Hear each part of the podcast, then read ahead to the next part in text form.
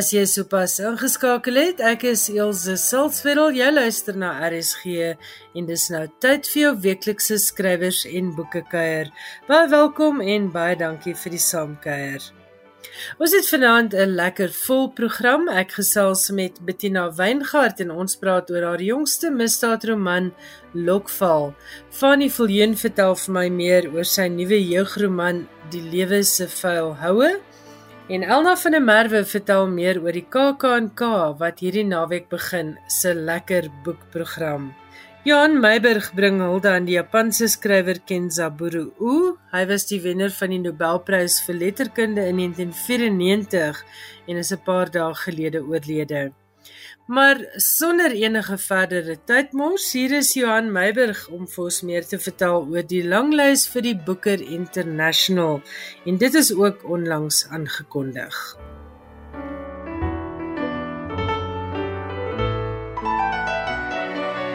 Die langlys van vanjaar se Booker International is onlangs aangekondig.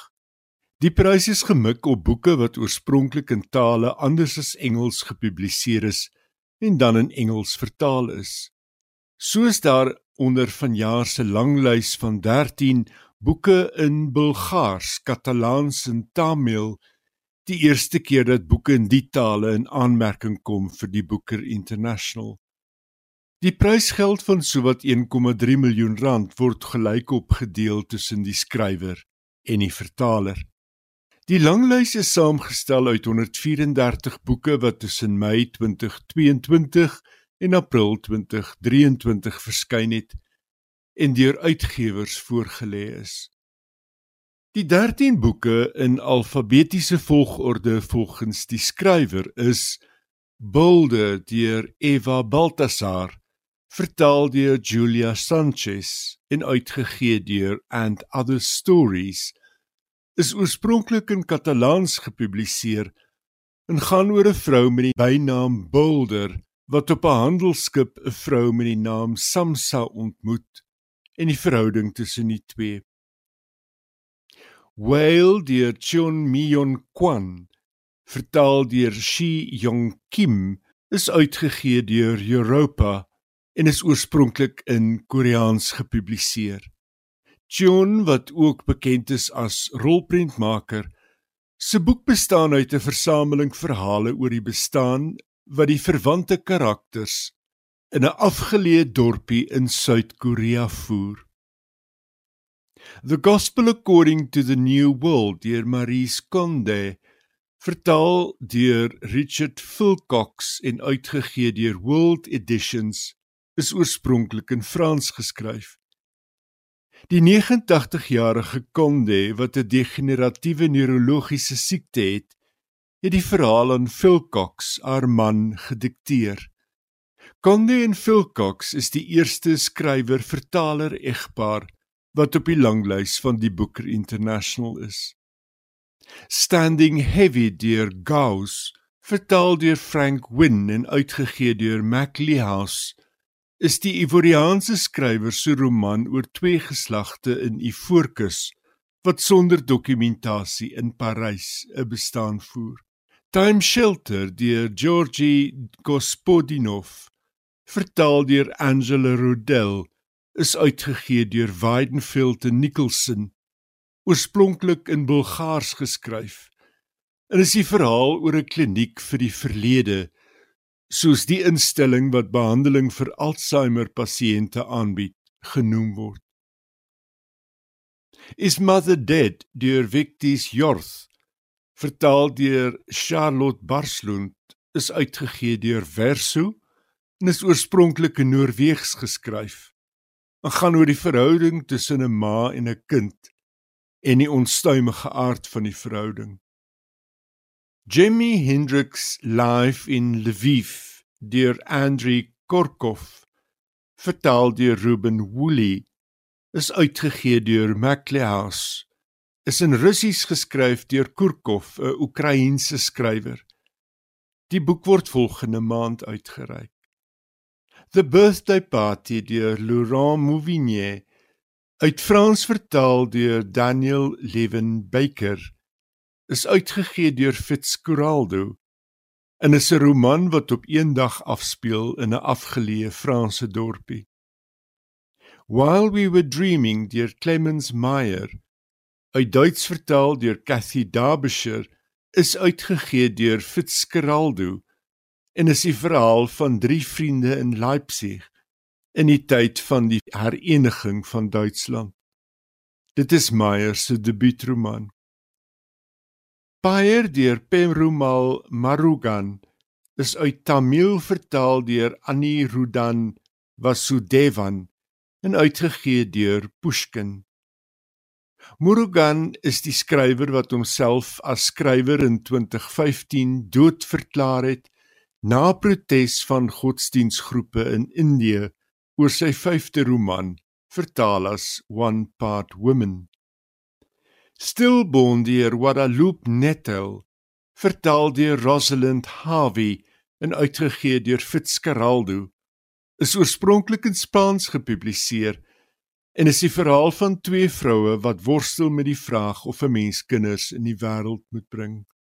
A system so magnificent it is blinding deur Amanda Svensson uit Sweeds vertaal deur Nicholas Smalley is uitgegee deur Scribe en is 'n familiesage oor drielinge. A ninth building deur Zhou Jinxi uit Chinese vertaal deur Jeremy Tiang is uitgegee deur Hanford Star en word beskryf as 'n versameling vignette waarin die skrywer steun op sy ervarings tydens die kulturele revolusie. Die beoordelaars is vanjaar Leila Slimani, die bekroonde Frans-Marokkaanse skrywer, William Blacker, een van Brittanje se voorste vertalers uit Ukraiens, Parul Segal, skrywer en kritikus verbonde aan die New Yorker, Frederick Studeman, boekredakteur van Financial Times en Tan Twang En, die Maleisiese skrywer wat in 2012 die kortlys van die Boekerprys gehaal het met sy roman The Garden of Evening Mists. Die kortlys word op 18 April aangekondig en die wenner op 23 Mei. Jy luister na skrywers en boeke, jou belangrikste bron oor Afrikaanse boeke. Ek verwelkom vanaand baie graag weer vir Bettina Weingart hier by Skrywers en Boeke. Bettina, goeienaand, baie welkom. Goeienaand Ilse, dankie. Dit is altyd lekker om saam te kuier. Ons praat vanaand 'n bietjie oor Lokval. Dit is jou jongste speurroman, eh, die Nikki de Wee uh hoofkarakter is weer daarin te sien. En dit volg natuurlik op vuilspel, slaafs en jagter. Maar ek wil sommer net so bietjie teruggaan na jou skryfwerk vir luisteraars wat dalk nog nie goed bekend is met jou boeke nie. Jy het die eerste keer aandag getrek met jou debuutroman Troos vir die Gebrokenes en dit is ook bekroon. Vertel vir ons net so bietjie waar het jou pad met boeke begin want jy's eintlik 'n regsgeleerde. Ja, weet jy, ek het van kleins af, ek weet sulke stupid verhaaltjies geskrywe en dit het niks van gekom nie. En toe ek begin praktiseer as 'n prokureur, dis 'n heeltemal ander manier van dink en skryf en met taal omgaan. So ek het heeltemal ophou om kreatiewe skryfwerk te doen. Totdat ek op 'n stadium besef het maar die boeke wat ek graag wil lees, sien ek nie in die biblioteke nie. En ek kan nie onthou of dit Maya Angelou of Toni Morrison is. Een van hulle twee het gesê, "If you don't see the book you want to read, write it." Ek dink dit was Toni Morrison. En ek het net besef as ek regtig die boeke wat ek graag wil lees op die rakke wil sien, dan dan moet ek dalk in die werk spring en dit self skryf. En toe het ek Troos vir die Gebrokenes geskryf wat 'n verhaal was oor die appelpakkers van my tuisomgewing Grabouw. En teen my verwagting in want onthou ek het geen skryfondervinding nie ek het geen skryfopleiding nie. Teen my verwagting in het dit die Jan Rabie rapportprys gewen in 2010 Dis fantasties dit is regtig 'n ja, veertjie in jou hoed. Absoluut um, en uh, natuurlik as mens so met 'n big bang wegspring dan dan dan word jy sien jy agter oor die volgende een en dis hoekom ek toe nou besluit het ek beweeg weg van roman en probeer eerder speurfiksie skryf en dis hoe die Nikki de Wee reeks begin het. En ek het soveel pret gehad met vuilspel wat die eerste netjie de wee was, dat ek besluit het, okay, dit was veronderstel om 'n one and done te wees, maar kom ons kyk wat gebeur as ek 'n tweede inskryf. En hier is ons nou 4 boeke later. Wat vir ons weer so 'n bietjie deur die temas. Ek kan onthou uh vuilspel was ehm um, korrek wat sit nou weer corrective rape. Vertel vir ons 'n um, bietjie van die van die temas in jou verskillende boeke. Ja. Wat ek probeer doen met elke ehm um, boek is om 'n spesifieke gender kwessie te belig.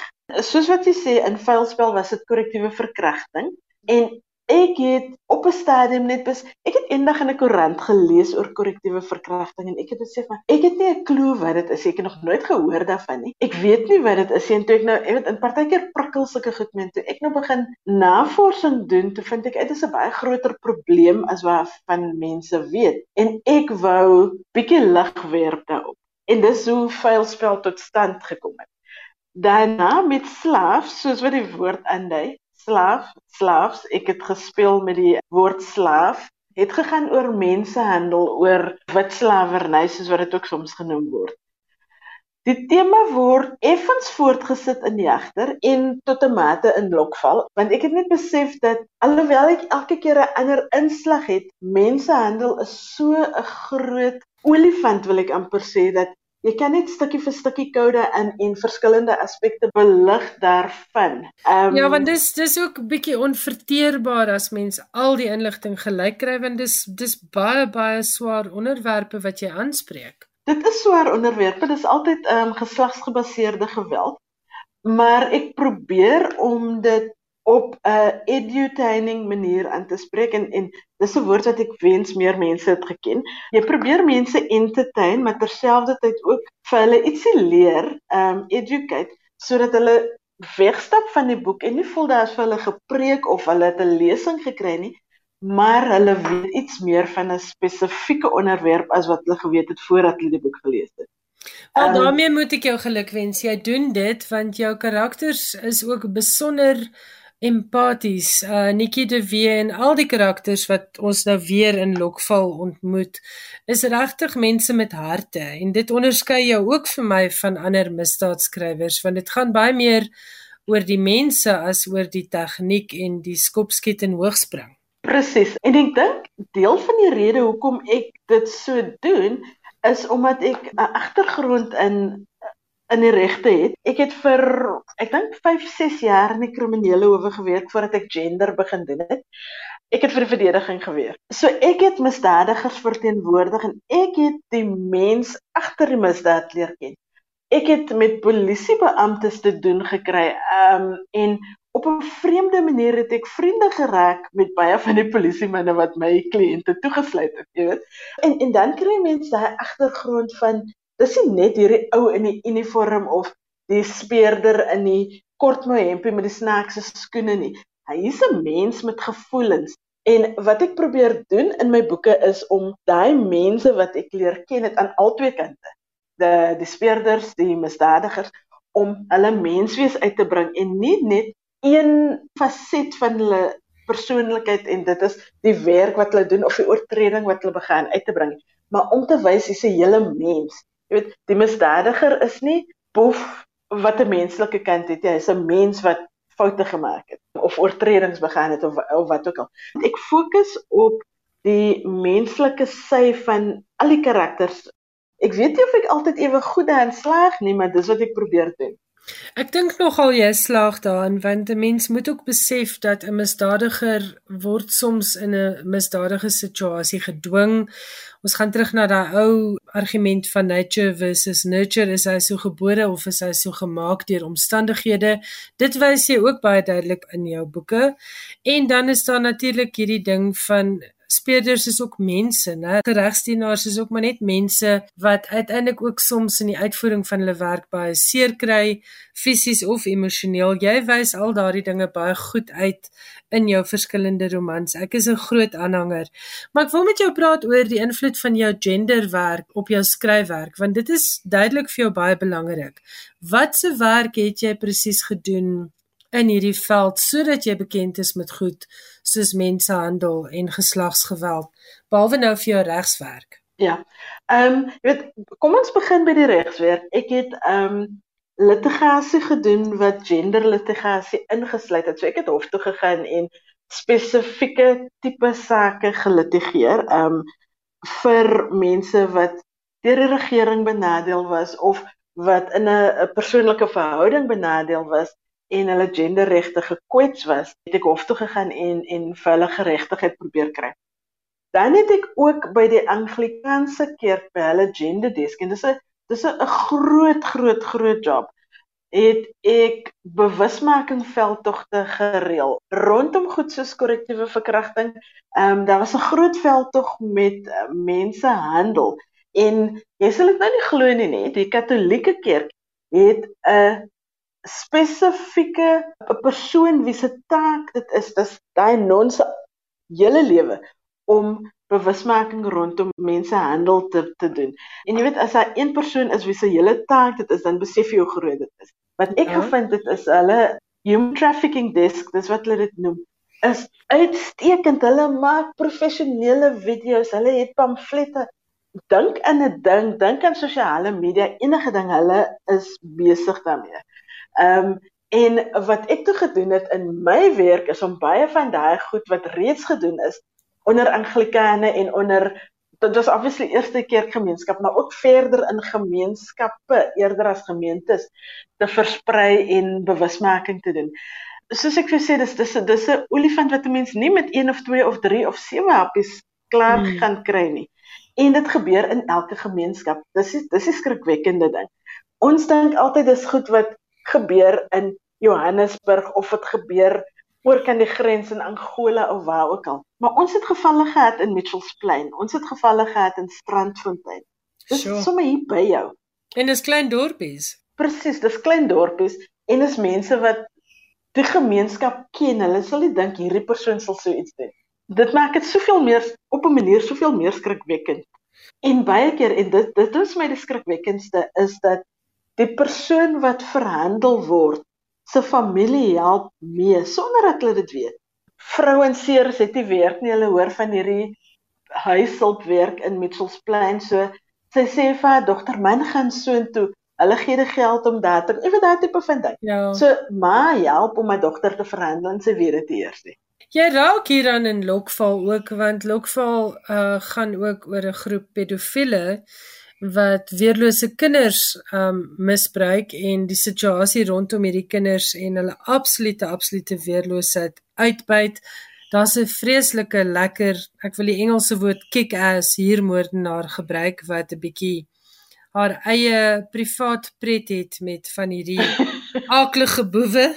Uh dit was vir baie lekker. Um ek kyk ek laat ons eerlik wees. Ek dink die meeste Suid-Afrikaners geniet dit as 'n skurk aan die pen ry en ek het dit baie geniet van Lokval.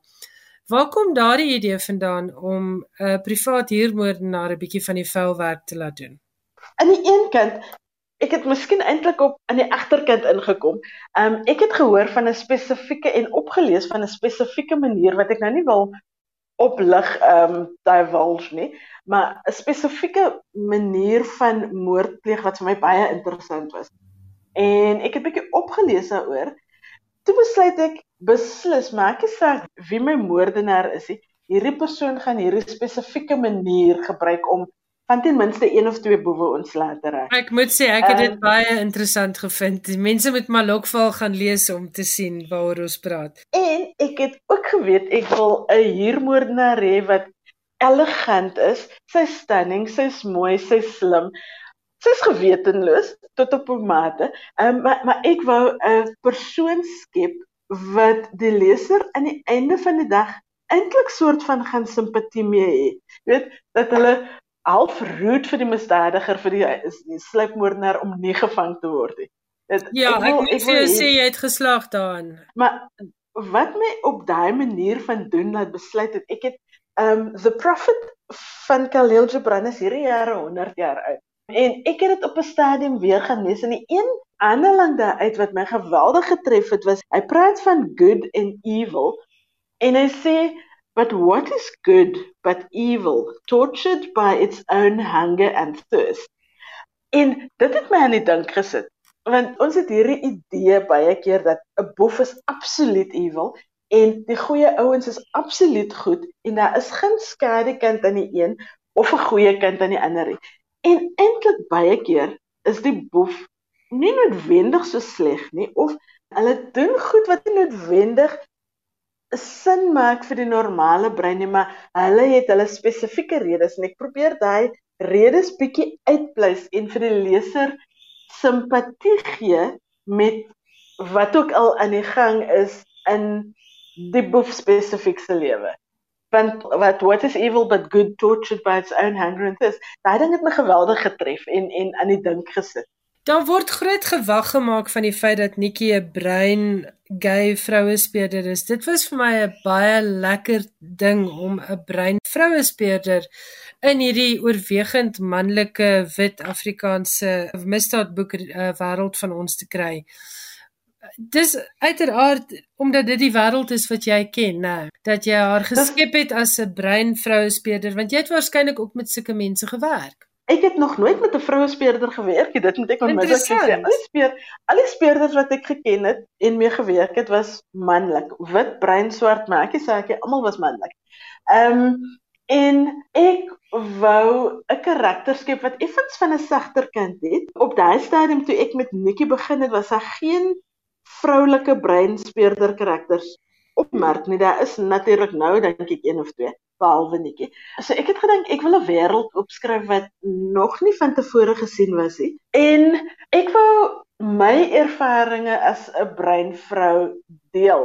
Ek wou nie noodwendig skryf oor ander se ervarings wat dalk al reeds opgeskryf was nie. Ek wou iets nuuts tot die mark toevoeg. En dis absoluut my passie om karakters te skryf wat nie noodwendig oral insiders is nie. Dalk effens van 'n outsider op verskillende maniere, maar wat hulle hulle wegbaan en koneksies vorm soos wat Nikki en Blackie byvoorbeeld koneksies vorm. Ja, want dis ook baie interessant van hierdie boeke is uh, jy spreek ook die tema van regstellende aksie aan mense wat skielik in 'n posisie sit waar hulle nie noodwendig verwelkom word nie. Hulle verdien dit, maar dis nie noodwendig hoe dit daar buite gesien word nie. En 'n mens leer ook deur hierdie vier boeke die interpersoonlike verhoudinge in 'n span ken, 'n span wat dalk nie aan die begin so absoluut entoesiasties was oor Nikki se pos nie, maar wat groot deernis vir haar ontwikkel en letterlik 'n cool fase sal vat as dit moet. Ja, jy weet Black Blackie is die een wat van die begin af daar was van Veilspeel af. Ehm um, Henk het later bygekom en ek is baie lief vir Henk as 'n karakter. Maar Blackie en Nikki se verhouding dink ek is net absoluut op 'n ander vlak. Hulle hulle staan koppe in die begin, hulle probeer mekaar vind en oor die vier boeke is hy hierdie groei in hulle verhouding sonder om te veel weg te gee in jagter tel hulle probleme op. Jy weet so dis so een tree vorentoe en twee tree terug. Maar hulle vind hulle weg terug na mekaar toe in Lokval op 'n baie spesiale manier. En hulle verhouding en baie mense dink onmiddellik as hulle verhouding hoor dink hulle romanties en dis glad nie die geval hier nie. Hulle mentorverhouding, hulle vriendskapsverhouding. Ek wil amper sê hulle begin soos familie vir mekaar voel. Daai verhouding gaan deur 'n klompie ups and downs, maar aan die einde van die dag hoop ek kom hulle sterker innerkant uit. En Henk natuurlik is is vir my 'n interessante karakter wat eers later op die toneel gekom het, maar wat al hoe meer soos wat ek skryf, al hoe meer uh, een van die sentrale karakters word. Ek moet vir jou gelukwens met hierdie boeke. Ek sou sê dat luisteraars moet probeer om al vier boeke te lees. Dis nie noodsaaklik nie, maar dit maak net vir 'n baie lekkerder leeservaring. So begin gerus by die begin en lees jou pad 'n bietjie deur Bettina Weingart se fiksiereeks met Nikki de Wee as hoofkarakter. Die boeke in volgorde: Vuilspel, Slaafs, Jagter en dan nou Lokval waaroor ons vanaand gepraat het. Maar Bettina, ek wil net vinnig ook praat oor jou boek wat verlede jaar verskyn het, nie fiksie boek, Christelike boek en dit was 'n vir 'n paar pryse benoem. Vertel vir ons net vinnig 'n bietjie daarvan.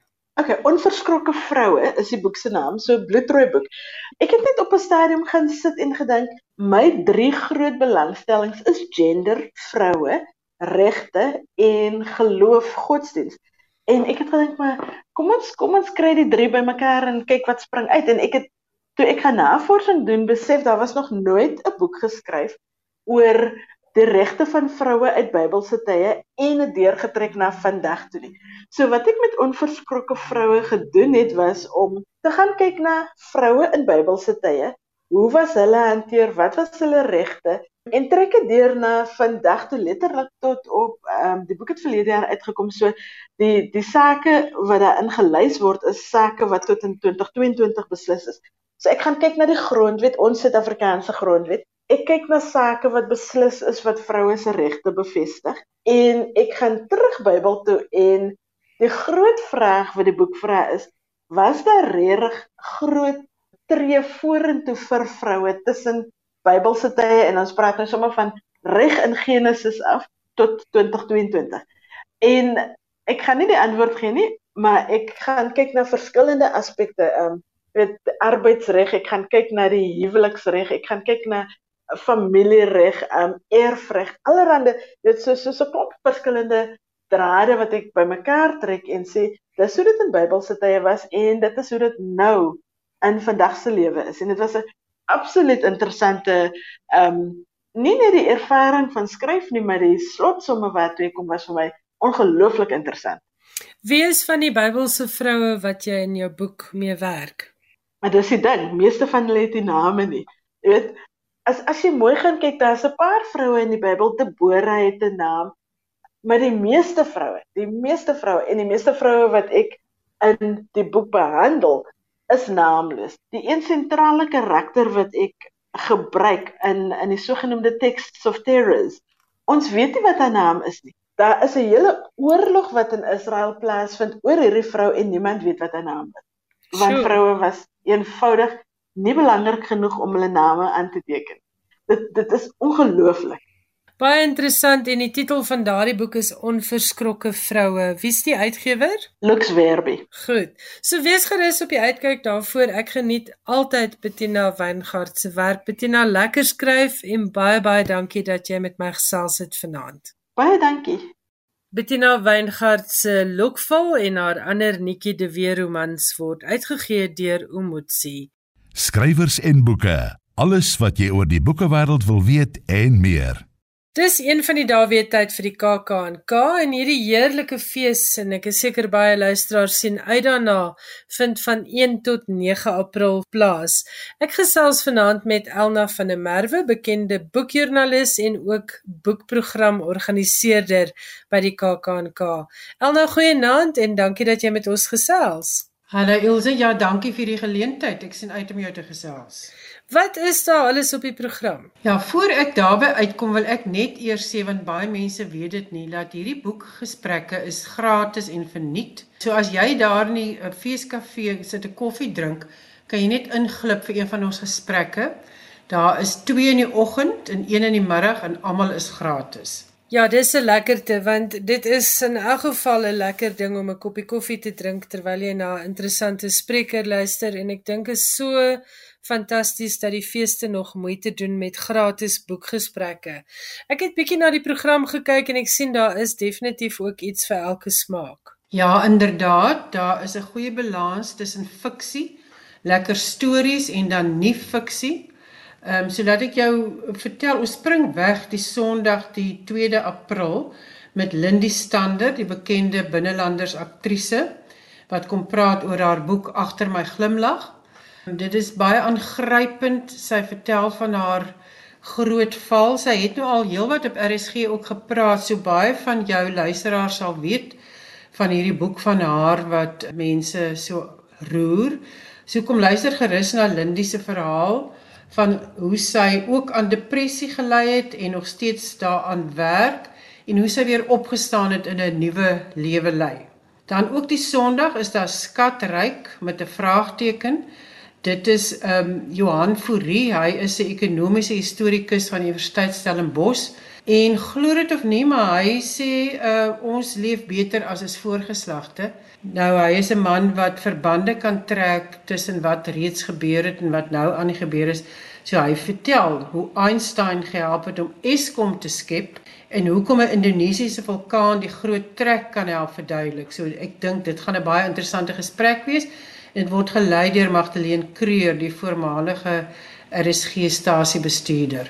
Dan ook die 2de April Kas Weppener, professor in teologie by Universiteit Stellenbosch, maar ook 'n storieverteller van formaat. Hy kom praat oor sy nuutste roman Roman, Die vis en sy gesprekleier is Daniel Hugo wat self 'n digter en vertaler is. Wat gebeur Maandag die 3de April? Eerste op die program met ons twee kosmakers van formaat. Dit is uh, Marinda Engelbrecht en Nick van Wyk. Sy kom praat oor haar nuwe boek uh, Kook met blikkies en pakkies en Nick van Wyk kom praat oor sy heel eerste kookboek Brood en botter. Uh, ek gaan self met hulle die gesprek voer. Ek sien baie daarna uit en ek hoop ook om 'n paar wenke te kry van die chef en dan ook van Marinda wat so graag um, kort paaie vat met haar blikkies en pakkies en my sekerlik lekker laat geld spaar op daardie manier. Dan is daar nog 'n kosmaker op dieselfde dag, RSG se Martelies Brink wat uh, kom praat oor haar boek oor die kole. Sy's eintlik 'n voorslag by die kole en veral met wyn wat daarbey pas. So daai 3 kosmakers kom so na mekaar, kom gerus na hulle luister. Dan het ons ook nog op daardie dag het ons Karoo boek 2 Dit is 'n koffietafelboek uh, met Louis Botha se fotos. Of jy nou in die Karoo woon of net soms daar deur ry, die fotos is verruklik. Uh, daar is ook stukke daar sulke kopie bygeskryf om dit nog meer aantreklik te maak. 'n Baie besonderse boek en Cas Weppener, die skrywer, saam met hom 'n gesprek voer. Die 4de April is daar 'n heerlike program by die KAKNK se boekgesprekke. Vertel ons 'n bietjie daarvan.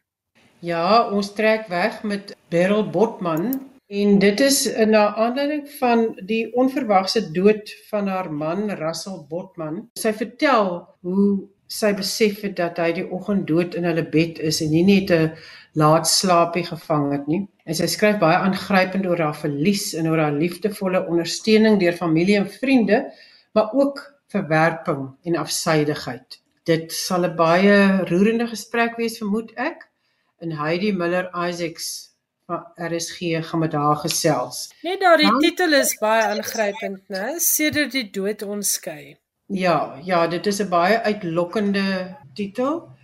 'n Mens moet kom luister om te weet wat sy presies bedoel daarmee.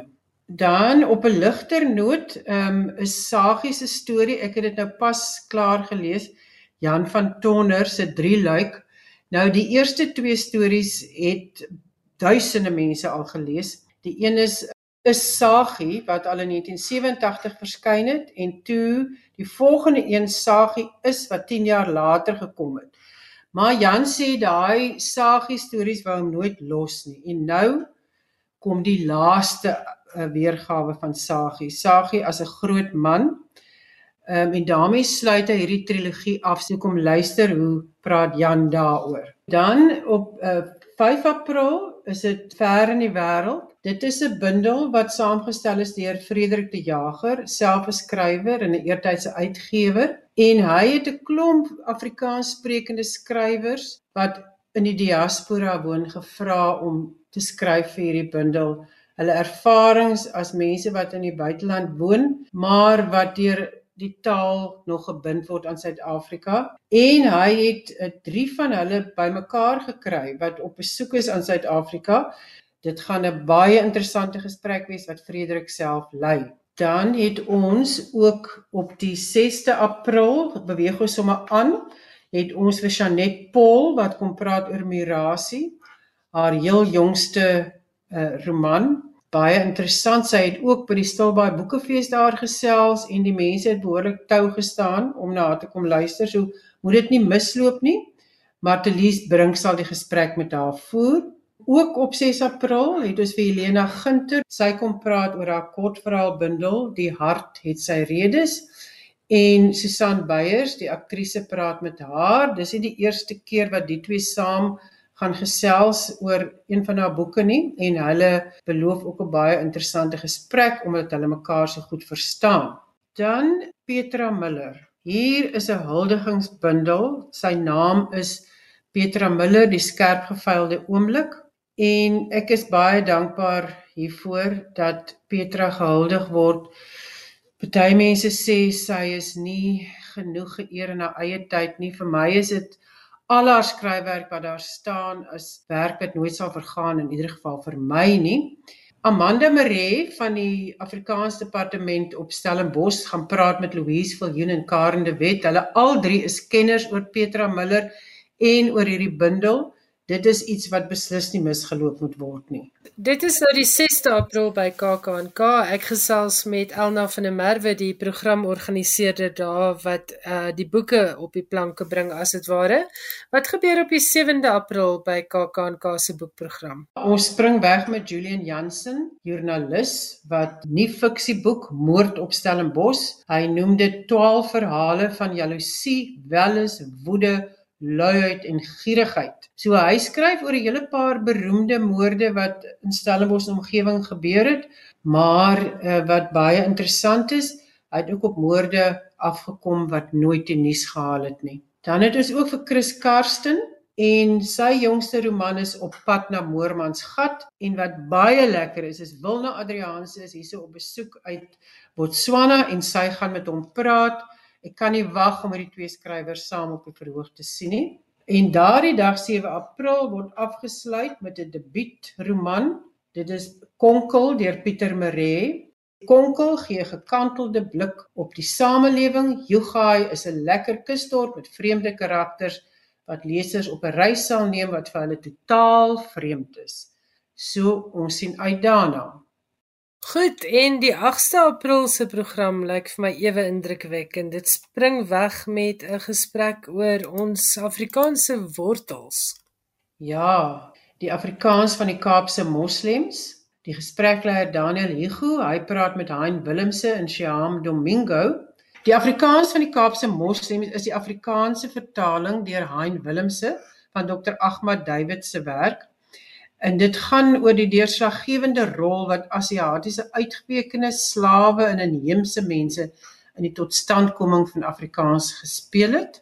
Dit word moontlik gemaak hierdie hele gesprek deur die Stichting vir die Bemagtiging deur Afrikaans. Jy kan ongelukkig die boek nie koop nie, maar jy kry daarso as jy dit bywoon, kry jy 'n sleutelhouer met 'n QR kode wat jy sal dan neem na die boek op die SBA se webwerf, dan kan jy dit ook lees. Baie belangrik om te weet waar Afrikaans vandaan kom indien jy enige misverstande daaroor het.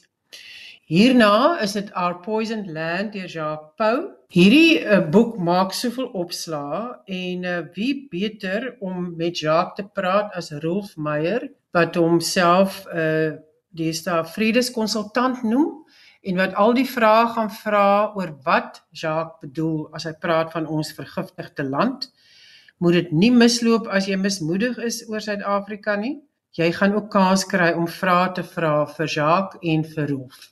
Ons sluit dan af met stories in die wind. Dit is Deidre Jantjies wat ehm um, stories bymekaar gebring het in hierdie boek met 10 verhale uit die Rigtersveld, Namakoland en Kalahari en Lentjie Jaars, die TV en radio aanbieder en skrywer, gaan die vrae vra wat Deedrey moet beantwoord. 'n Hoogtepunt om die KAKNK boekstories mee af te sluit. Dankie Elna van der Merwe. Ek wil net gou doodseker maak mense hoef nie te bespreek vir hierdie boekstories nie. Hulle kan dood eenvoudig daar by die feeskafee opdaag, koppie koffie koop en by een van hierdie gesprekke inglip. Is ek reg? Ja, jy's heeltemal reg. Jy hoef nie te bespreek nie, jy hoef nie te betaal nie, jy val net daarin. Daar's twee gesprekke in die oggend, die een is 10:00, die ander een 11:15 en dan in die middag is daar om 15:30 die laaste gesprek van die dag. So as jy in die feeskafee is wat jy bietjie jou voete laat rus, kom in en kom luister na die skrywer wat dan aan die beurt is. En so sê Elna van der Merwe, sy is die organiseerder van die KAKNK se baie lekker boekprogram.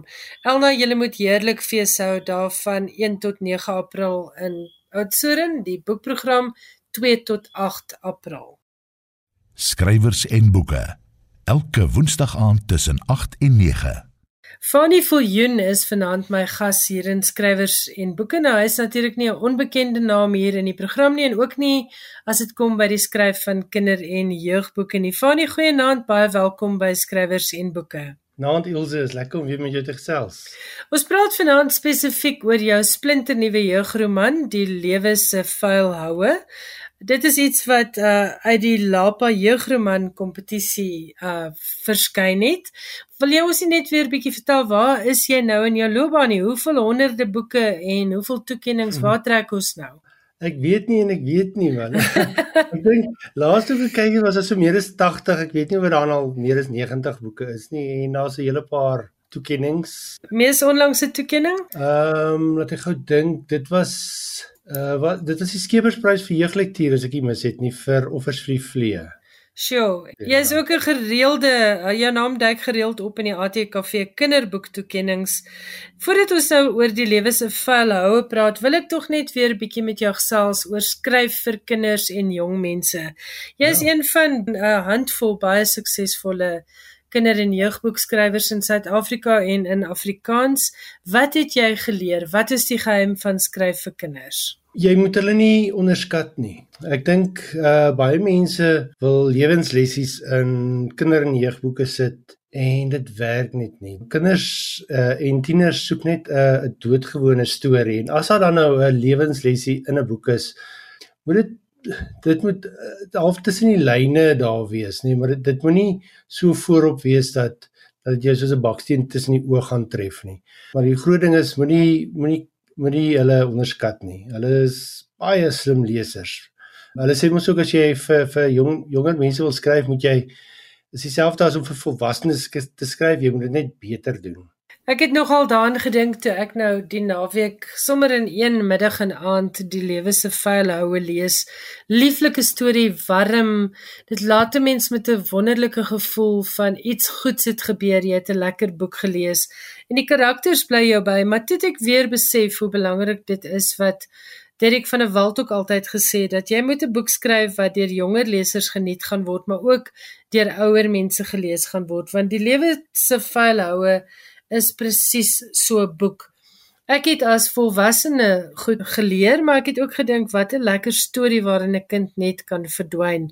So vertel ons 'n bietjie van Dewie Koster en sy ma. Ja, Dewie Dewie het 'n het 'n groot geheim. Uh die lewe het hom 'n 'n enorme vuil hou gegee. Hy woon saam met sy ma in 'n in 'n woonstel daar in die tuine in Kaapstad. En hierdie woonstel uh, is omtrent tot teen die plafon gepak met al sy ma se opgehaar goed. So sy ma versamel alles. Sy gooi niks weg nie. Die hele plek is vol van haar, soos sy dit noem, vol van haar goedjies. En niemand mag hiervan uitvind nie. Uh Dewie probeer dit vir almal wegsteek. Uh nie eers die onnies of sy pelle by die skool mag daarvan weet nie. Dan kom 'n meisie, uh JD Ewers in sy lewe. Uh 'n meisie wat vreeslik baie lees en sy het ook 'n vreemde uitkyk op die lewe en sy gaan dalk Devi Koster se hele lewe vir hom verander. Want uh, 'n uh, mens kan daai geheim ook maar net so lank hou. Ek het Devi baie jammer gekry want die probleem van opgaar of soos hulle in Engels sê hoarding is nie 'n klein probleempie nie. En sy ma is 'n opgaarder by uitstek. Die goed soos jy nou sê staan tot teen die plafon, maar dit syfer soos wat dit ook deur die opstapeling syfer grond toe en die hele plek later begin sleg ryk. Syfer hierdie probleem ook uit in sy lewe en dit begin dit kom tog by die skool uit dat dinge nie reg is nie. Jy het dit besonder empaties hanteer. Daar's 'n onderwyser wat regtig waar vir hom omgee. Daar is JD en haar familie. Hoe belangrik is dit om vir kinders deur boeke te wys daar is warmte in hierdie wêreld? En hoe doen 'n mens dit as skrywer? Ja, ek dink uh soos jy sê die lewe is swaar genoeg nê nee, en ehm um, met 'n boek soos hierdie kan mens kan mens die die tiener leser en die ouer lesers dink ek wil jy vir hulle 'n bietjie hoop gee. En ek ek dink dis wat ek probeer het met die boek om jou in hierdie in hierdie laaitie se lewe in te vat en vir jou te wys wat hy voel en hoe hy begrawe word onder al hierdie goeters en hy's eintlik maar magteloos tot op 'n dag wanneer hy amper gedwing word om self ietsie aan te begin doen. En uiteindelik hoop ek dat die leser ook ehm uh, hoop sal kry aan die einde van die verhaal. Ek het definitief die boek neergesit met hoop en vreugde. Dit was regtig 'n lekker leeservaring. So baie geluk daarmee. Maar wat het die verhaal geïnspireer? Ek wou eintlik al lankal iets skryf oor mense wat so goed opgaar En ek het gewonder hoe moet dit wees vir 'n tiener om in 'n huis te leef tussen al hierdie goed. Uh want as jy 'n tiener is dan wil jy jou eie ruimte hê. Hulle soek gewoonlik hulle eie kamer en hulle wil hulle kamer deure kan toemaak. Maar hoe leef jy tussen al hierdie opgaar goed van jou ma? So dit was die inspirasie of die vonk uh van hierdie verhaal. Hoe het jy jou navorsing gedoen want ek weet uit my eie navorsing vir bloedsusters waar die susters ook met my gepraat het oor mense wat opgaar en en hoe dit is om skoon te maak in so 'n plek. Jou inligting is baie akkuraat. Ja, ek het nogal baie gaan oplees oor uh die sielkunde agter uh opgaardery. Ehm um, hoekom mense dit doen? Hoe kan jy hierdie mense help? Ehm um, ek het gaan kyk na video's van huise waar mense goed opgaar en dit was die basis van van die verhaal. Ek ek stel nog altyd belang in in die in sielkunde. Ehm um, dis dis my altyd belangrik en dis eintlik ook goed wat so half tussen die lyne weggesteek word.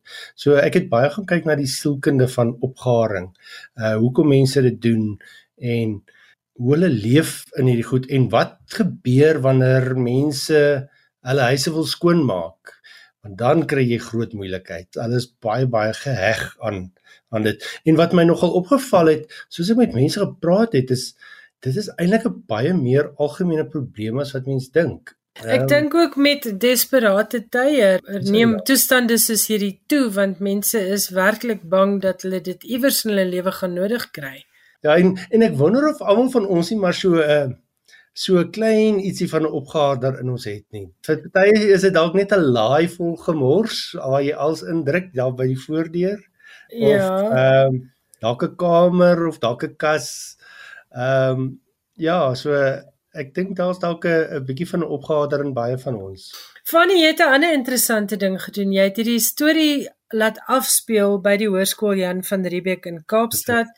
Nou dis vir my 'n interessante ding gewees in die eerste plek. Hoekom dit en hoe dit gewerk? Moes jy hulle toestemming vra? Het jy 'n paar dae daar gaan deurbring? Vertel ons 'n bietjie daarvan. Ja, gewoonlik ehm uh, as ek 'n uh, jeugverhaal skryf dan maak ek 'n fiktiewe skool. In boeke soos Onderwêreld en so aan altyd by 'n fiktiewe skool afgespeel, maar vir hierdie een het ek besluit ek wil 'n bietjie regte skool in Suid-Afrika gebruik en ek het nou baie by uh beide die hoërskool en die laerskool Jan van Riebeeck gaan praat in die Kaap en die die, die hoërskool is uh verskriklik gasvry en ek het besluit uh, ek wonder of of ek het gewonder of hulle my sal toelaat om om die om die storie by hulle te laat afspeel. Ek het die skoolhoof gekontak en hy was baie ontvanklik daarvoor.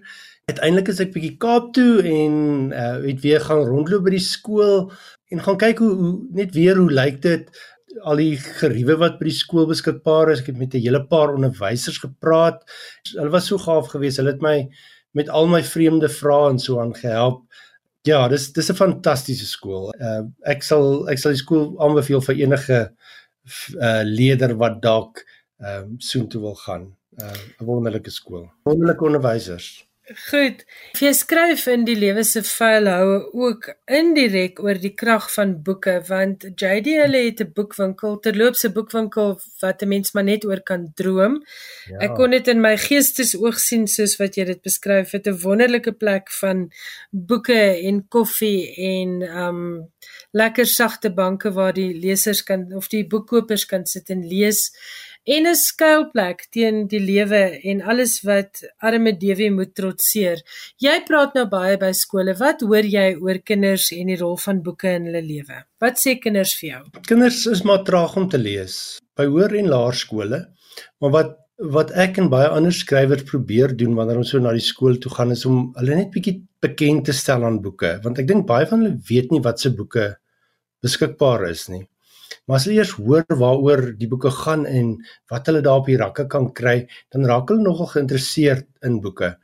'n Interessante ding het uh, het gebeur toe ek die lewe se vuil hou by Jan van Riebeeck bekend gestel het wat my nogal laat dink het dat die die die leerders begin nogal bietjie uh, lateraal dink nê oor boeke. Een van die leerders het vir my gevra oor skryf, skryf van boeke in die toekoms uh en hoe kunsmatige intelligensie die skryf van boeke in die toekoms gaan beïnvloed.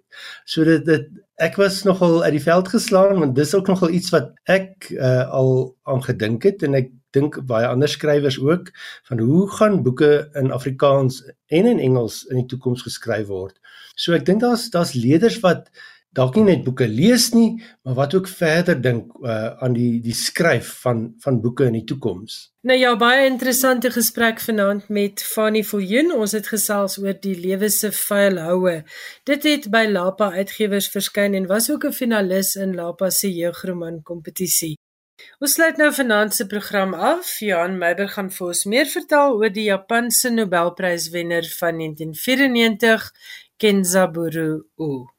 Ek sluit af met die nuus dat die Japanse skrywer Kenzaburo Oe, wenner van die Nobelprys vir letterkunde in 1994, onlangs in Tokio dood is. Hy was 88. By die oorhandiging van die Nobelprys het die Swetse Akademie hom indertyd aangeprys vir die poëtiese krag waarmee hy die wêreld verbeeld het. 'n Plek waar lewe en mite vervleg word om die leser 'n prentjie te gee van die penarie waarin die mens is. Kenzaburo het sy debuut in 1957 gemaak met A Strange Job en het in 1965 bekendheid verwerf met Hiroshima Notes.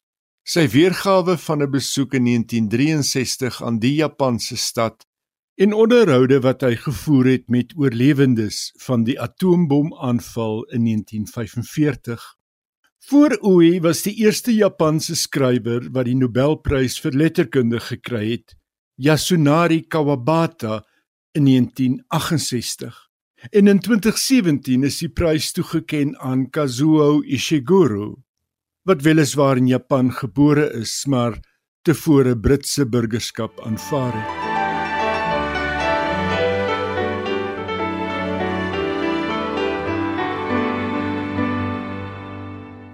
Dit bring ons dan aan die einde van nog 'n skrywers en boeke. Baie dankie dat jy saamgeluister het. Ek en Johannes volgende Woensdag gaan terug.